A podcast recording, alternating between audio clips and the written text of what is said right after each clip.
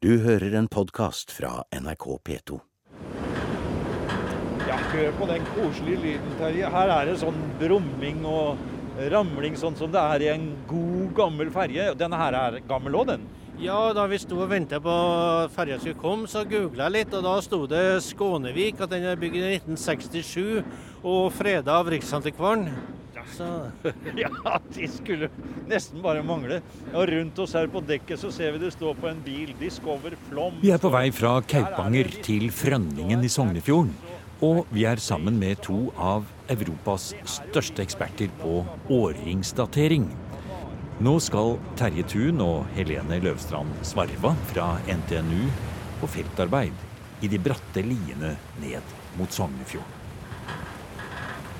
Og her, Helene, så, jeg å si, så nå er vi på en ferjetur midt inne i ditt doktorgradsarbeid, hadde jeg nær sagt. Ja, det, det er vi, vet du.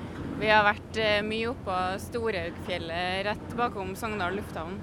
Og der fant vi en del trær som var riktig høyde over havet og gamle, da. Som vi samla inn en god del prøver fra.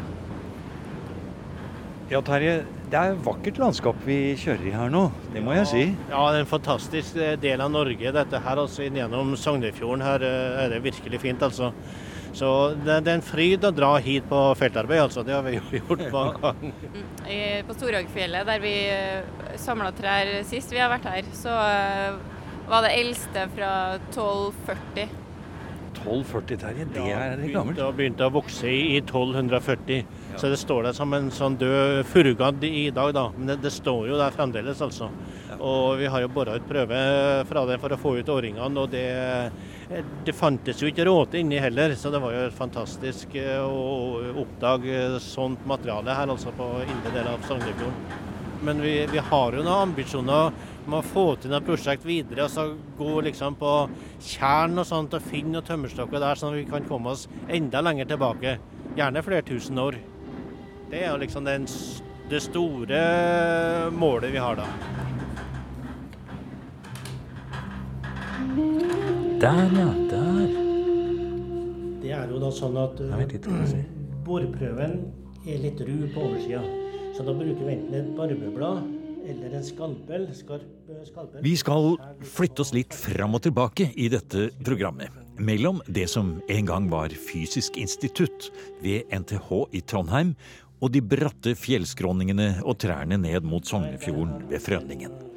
For i første etasje på Gamle Fysikk finner vi det som heter Nasjonallaboratoriene for datering ved NTNU Vitenskapsmuseet. Nå forsvant den igjen.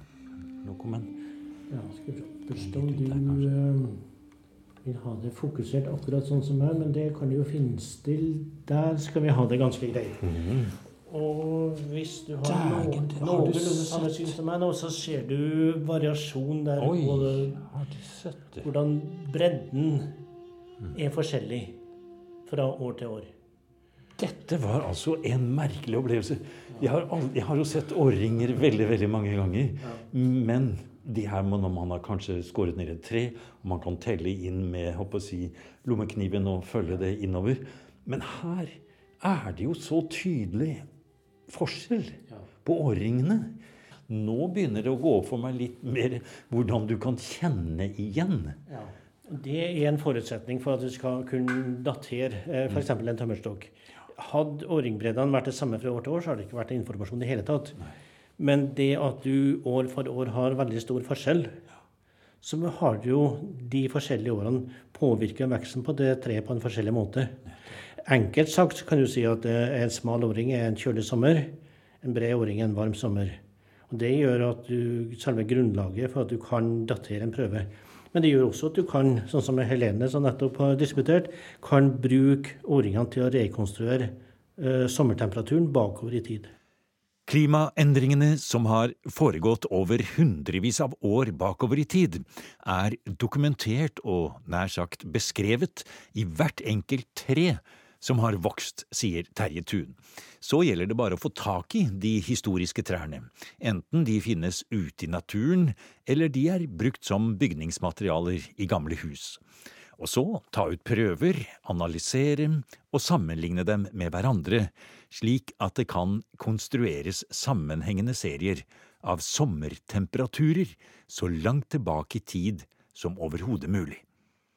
Det er det forskerne kaller klimarekonstruksjon, og det er det forsker Helene Løvstrand Svarva har bidratt til i sin doktoravhandling fra høsten 2019.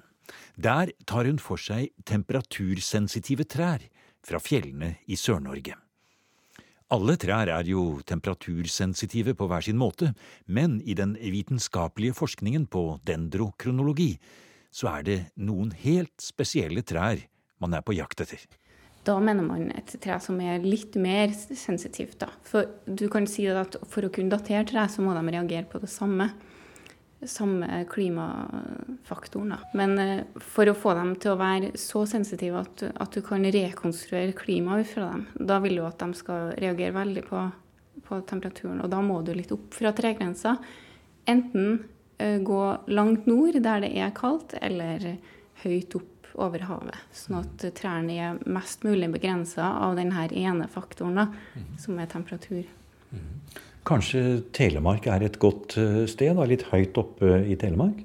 Ja, vi, vi håpa jo det. Men, men, det som viste seg, det var jo at det hadde litt å si om vi var på østsida eller vestsida av Skalnesfjella.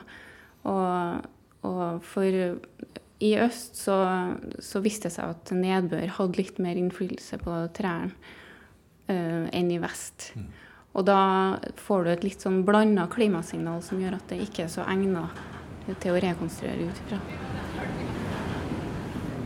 Det ser ikke så veldig høyt ut.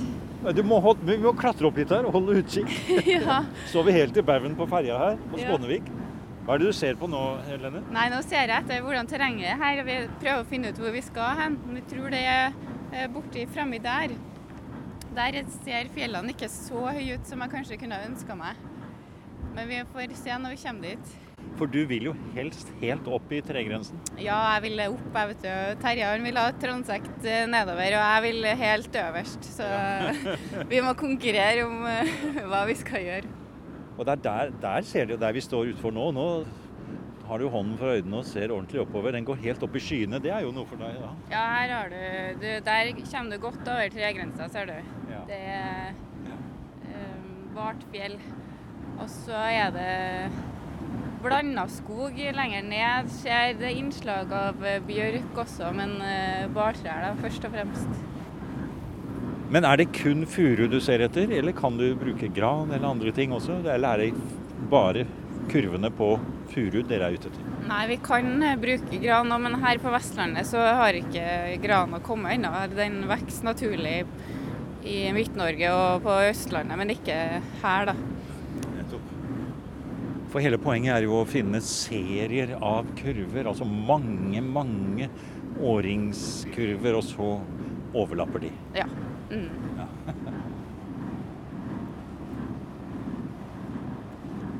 Men grana er jo også den eh, Det er ikke like lett å finne eh, gamle, godt bevarte stokker, har vi merka. For det, vi har jo prøvd med gran, og um, seriene er litt kortere. Den er litt sjeldnere. Altså, de, de, blir jo gamle, de òg. 400 år gammel gran har vi funnet, altså. Men, men det er vanskeligere å, å få opp en lang kronologi der. Og kanskje fordi de blir brukt ned raskere, jeg vet ikke.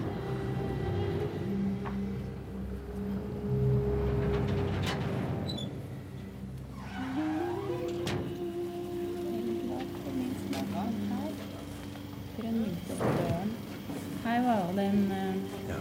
vi så. Den så vi fra. Det skaret der. Vi er med forskerne Terje Thun og Helene Løvstrand Svarva fra NTNU Vitenskapsmuseet på feltarbeid ved Sognefjorden.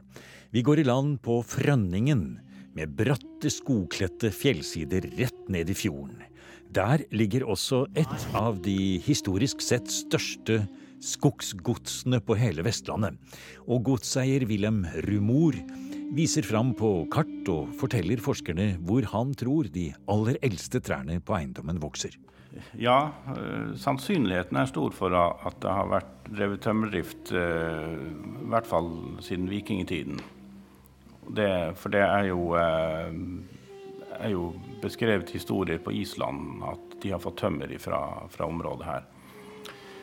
Eh, og så er det jo funnet, gjort noen funn av bl.a. en øks. og Det var vel det mest naturlige i forhold til det. Det kan jo ha vært en krigsstridsøks, men det var jo de samme de brukte til å hogge trær med. Så det fins på, på, Bergen museum. Men eh, det var jo det som var det fine her, for det meste at det var disse bratte liene hvor de kunne bruke tyngdekraften til hjelp. Og de eh, korte stokker kunne de jo lett rulle ned på litt snøføre. Og, og, de lange trærne var litt mer jobb med, men eh, det ville de jo alltid ha til, til skipsbygging og sånt noe. Men eh, de kunne dette her i gamle dager. Du sier den moderne tiden her omkring, den startet på 1500-tallet. Ja. Eh, det var det. For da, da bygget de sagbruk og hadde to-tre sagbruk allerede da. Etter hvert så var de oppe i seks på, ja, på slutten av 1800-tallet. Men uh, det var på en måte samme driften som pågikk i, i mange hundre år. Går din familie langt tilbake i den historien? Ja, den går egentlig tilbake til, uh, til rundt 1600. Etter din mening, hva er det som gjør at skogen her er så verdifull? Er det størrelsen, eller er det selve kvaliteten på tømmeret? Altså stedet er jo kjent for, eh, eller Tømmer er kjent for den, den uh, gode kvaliteten. Det er senvokst, og, og, derfor er det tette årringer. Og, og, og, det er lange, rette, fine stammer. Og, det er ettertraktet material til, til bygningskonstruksjoner, båtbygging og, ja, hus og, det meste. Um, og så er det jo da, Mye av det er jo nordvendt, og det er jo også noe som borger for kvalitet. For da gror det langsomt? Ja, det, er, det gjør det. Så der hvor vi har de beste bonitetene, det er ikke, er ikke nødvendigvis den beste skogen, men vi har noen ganske pene trær på høy bonitet òg, eh, Og det ble levert en del tømmer av den kvaliteten på 60-tallet, 50-60-tallet til bl.a. Håkonshallen i Bergen. Og det var noen enorme trær.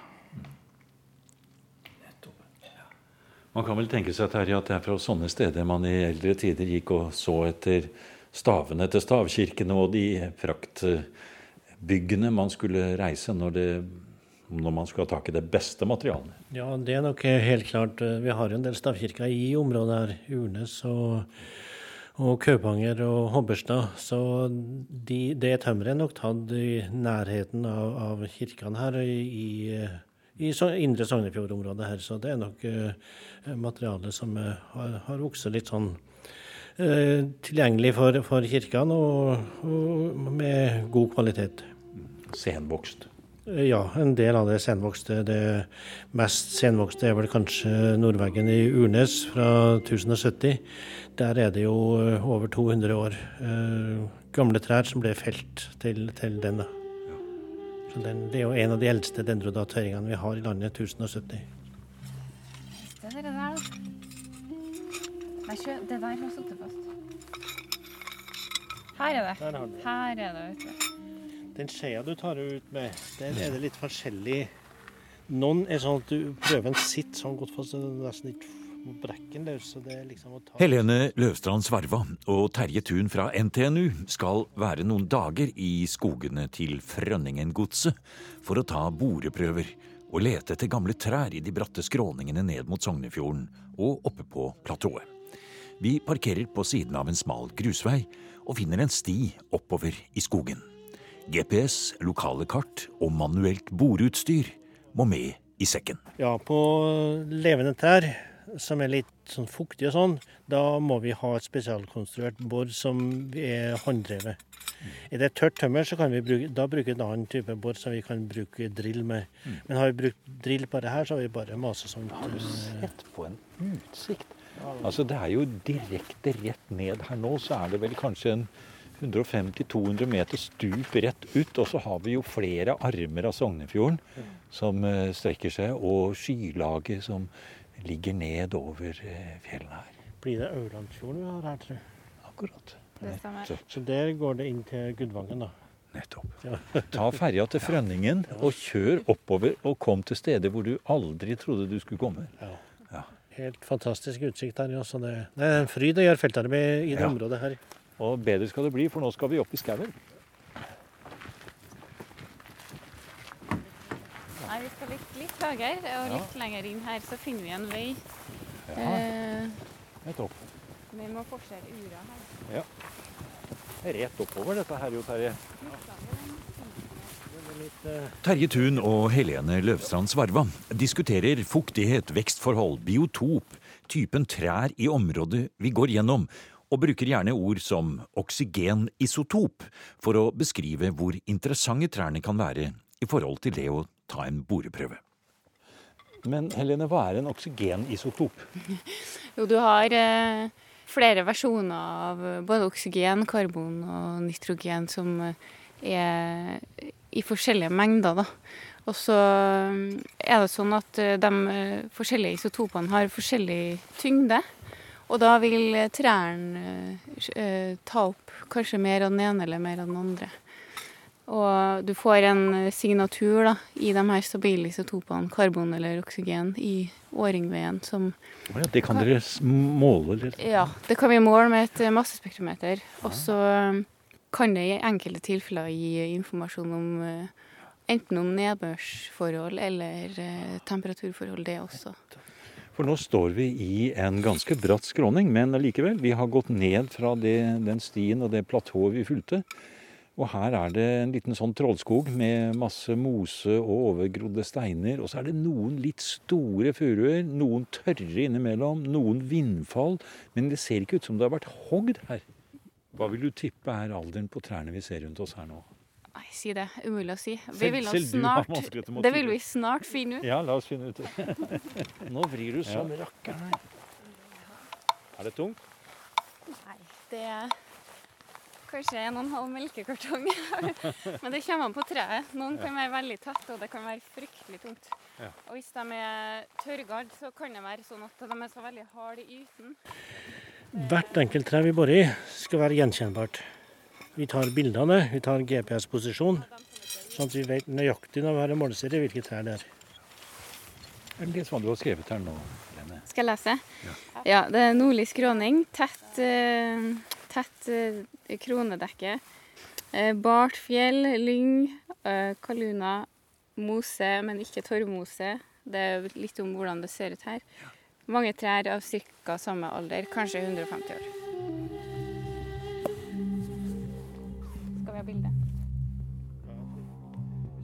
Nasjonallaboratoriene for datering ved NTNU gjør nettopp det. Daterer historisk og arkeologisk tre, enten ved hjelp av årringsserier eller C14. Det siste brukes når man finner mange tusen år gamle tømmerstokker nedsenket i tjern i høyfjellet, eller når man har prøver som ikke kan knyttes til eksisterende kurver. Men i tillegg til slik datering kan årringene fortelle om historisk klimakollaps, svartedauden og gjenoppbygging, vulkanutbrudd, uår og lange perioder med dårlig vekst. Her smelter arkeologi, kulturhistorie, skriftlige kilder og Europas klimahistorie sammen. Terje Thun sier at når man legger de historiske seriene av årringer bakover i tid, så går det egentlig ganske greit i en 500-600 år. Men så har vi dette 1300-tallet. Der er det veldig vanskelig å finne noe bygningsmateriale. Der har vi en byggestopp. Og det er naturlig å peke på svartedauden, at eh, da var det ikke behov for å bygge hus lenger. Men så viser det seg, både her i Norge, Skandinavia og resten av Europa, så bygges det heller ikke noe mye hus mellom 1300 og 1350. Og det må jo skyldes et eller annet at man helt på slutten av 1200-tallet plutselig slutter å bygge hus. Øh, Den går ned. Sånn at jeg har øh, begynt å kalle den perioden fra 1300 til 1350 for et svart hull i, i europeisk historie. Det, det er definitivt ikke en naturlig periode. Du har helt øh, Det skjer noe dramatisk som gjør at man, man slutter å bygge, og jeg tror at årsaken er klimatisk. Vi har et klimatisk tilbakeslag. Den nedgangen kommer nesten fem tiår før svartedauden. Men er det bare i Norge, eller er det i Sverige og Danmark og Tyskland? Det er hele Europa. Sånn at hvis du setter opp et histogram over antall daterte bygg eh, over en lang periode fra 900-tallet fram til i dag, så ser du at den, det, det er en kollaps i byggevirksomheten på slutten av eh, 1200-tallet. Det, det vises i alle land hvor man gjør sånne undersøkelser. Og jeg tror bestemt at dette har, har med klima å gjøre. Avlingene blir dårligere. Det blir eh, mindre mat. Helsetilstanden hos folk flest blir dårligere. Og det er min uh, tro at det er årsaken til at svartedauden fikk så alvorlige konsekvenser som det gjorde. Dette svarte hullet i europeisk historie kan leses direkte ut av serier av årringsdateringer fra trær i hele Europa. Og perioden varer også lenge. Det er først rundt 1550 byggevirksomheten har tatt seg helt opp igjen her i Norge, sier Terje Thun. Og i den perioden er det lett å se at tømmeret man da bruker, har grodd helt annerledes enn det gjorde i perioden før klimakollapsen. Ja, altså det, Når du byggevirksomheten starter på 1400-tallet, så er det veldig lett gjenkjennelig materiale.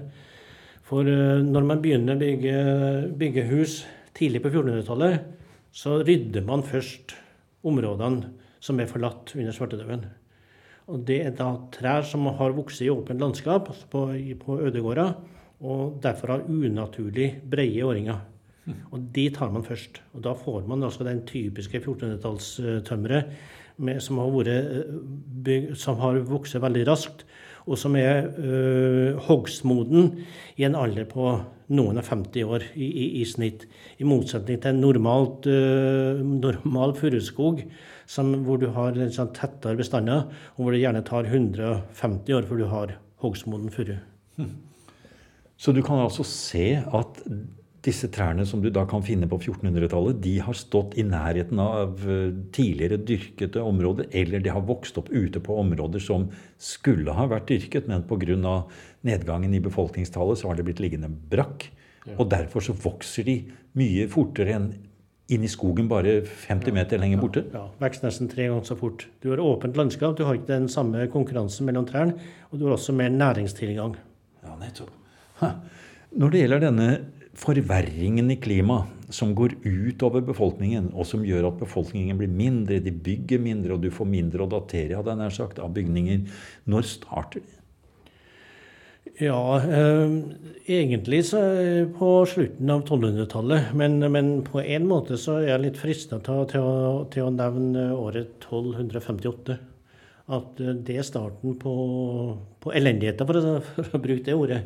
1258 så har du et enormt vulkanutbrudd i Indonesia som har global virkning. Og det vises faktisk på årringkurva.